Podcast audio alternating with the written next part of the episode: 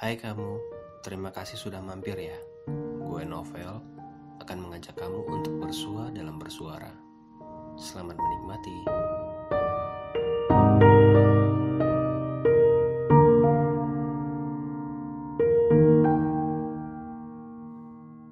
Pada sebuah meja, kami duduk melingkar berlima. Tiga cangkir kopi telah ditambahkan di antara kami, dan sisa tiga batang rokok yang entah siapa tuannya. Pertanda akhir dari pertemuan ini.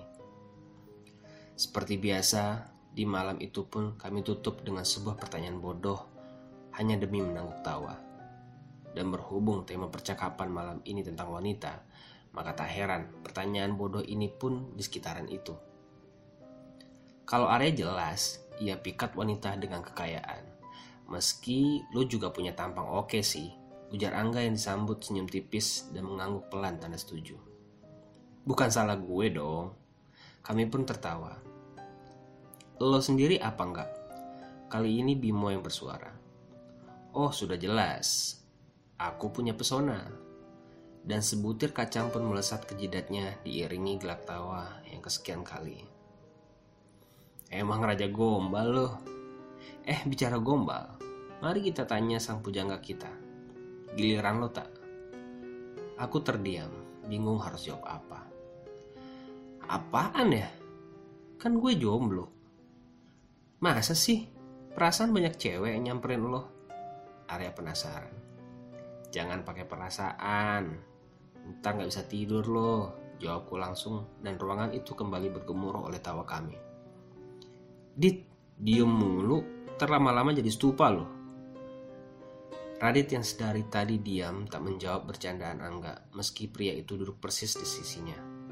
Yang dilakukannya hanyalah mengambil cangkir kopi miliknya dan mereguk hingga habis dan berkata, Tak ada yang menarik dari gue. Lalu meletakkan kembali cangkir itu. Aku yang duduk di seberangnya menatap penuh selidik. Ada yang aneh pada sikap Radit. Guys, udah jam 2 nih, cabut yuk. Arya berdiri sambil mengeluarkan beberapa lembar uang 100 ribuan pertanda malam itu dia yang traktir. Seperti biasa. Maka kami pun bubar jalan. Sepertiga malam itu berjalan tenang. Terlalu tenang bahkan. Aku yang masih belum terlelap utuh masih menerawang. Gerak-gerik Radit yang aneh masih menggangguku.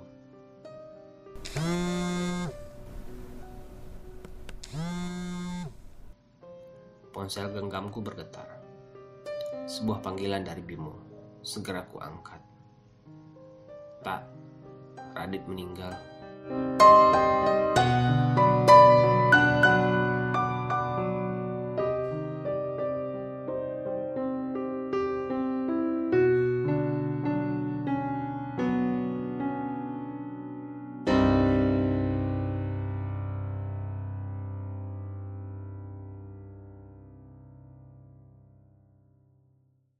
Terima kasih sudah mendengarkan bersuara podcast ini.